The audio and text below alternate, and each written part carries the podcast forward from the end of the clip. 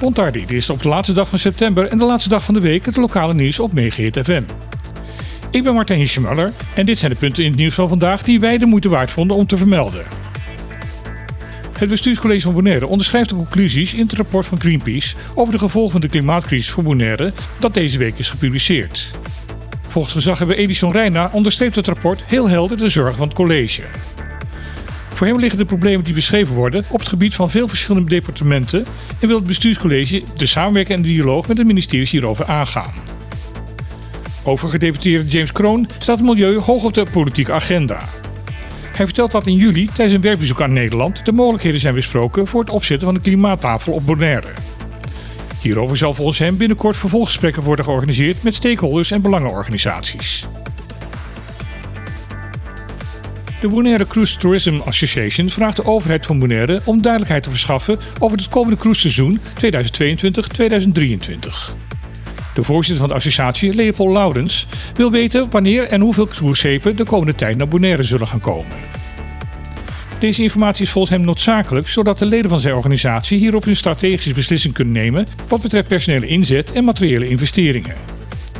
De associatie wil verder dat de verantwoordelijk gedeputeerde Henderson Tielman meer informatie met haar gaat delen.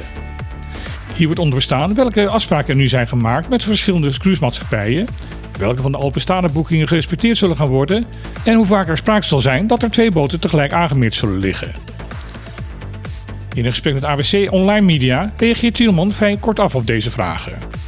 Volgens hem is het beleid en de visie van het bestuurscollege op het cruise-toerisme voldoende bekend en gecommuniceerd.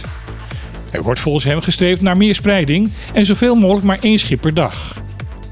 Voor Tielman is het laatste belangrijk om ervoor te zorgen dat vrachtschepen kunnen blijven aanmeren in de haven van Bonaire, om zo hun voor Bonaire belangrijke lading te kunnen lossen.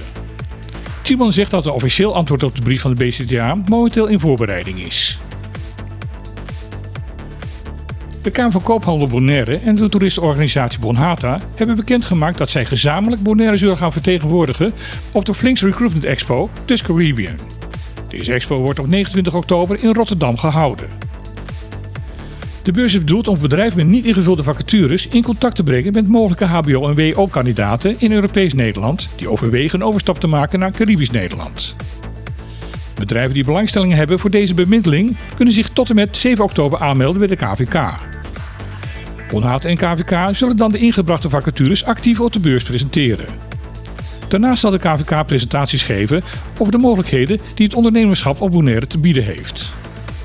De beurs heeft voor het laatst plaatsgevonden in 2019 en werd toen bezocht door ongeveer 800 potentiële nieuwe werknemers voor Caribisch Nederland. Gisteren melden wij dat tijdens het interparlementair koningsrijksoverleg, dat momenteel in Den Haag plaatsvindt, enige onrust was ontstaan toen het Curaçaose staatslid Renux Kalmes zijn toespraak tijdens de vergadering in het uitsprak. IPCO-voorzitter en Kamerlid Marielle Paul van de VVD kapte daarop de speech van Kalmes af met de mededeling dat dit niet correct was. Ook waren er geïrriteerde reacties zichtbaar bij diverse leden van de Nederlandse delegatie. Vandaag is bekendgemaakt dat de voertuig tijdens het IPCO weliswaar het Nederlands zal blijven. Er vanaf nu de mogelijkheid is dat gedelegeerden hun bijdrage in hun eigen moedertaal kunnen geven. In dat geval moet de eigen delegatie wel zelf voor een tolk zorgen, zodat ook anderen de speech kunnen volgen. Verder zal er gekeken worden of de volgende IPCO tijdens het weekend gehouden kan worden. Dit keer werd er van diverse kanten geklaagd dat de deelnemers vanuit Nederland massaal ontbraken tijdens de vergaderingen. Dit kwam omdat zij overvolle agendas bleken te hebben met vergaderingen voor de Tweede Kamer. Dit was de laatste nieuwsuitzending van deze week. Morgen is ze weer op de klippen. Hier is oppositieleider Clark Abraham te gast in het kader van onze serie Politiek aan tafel.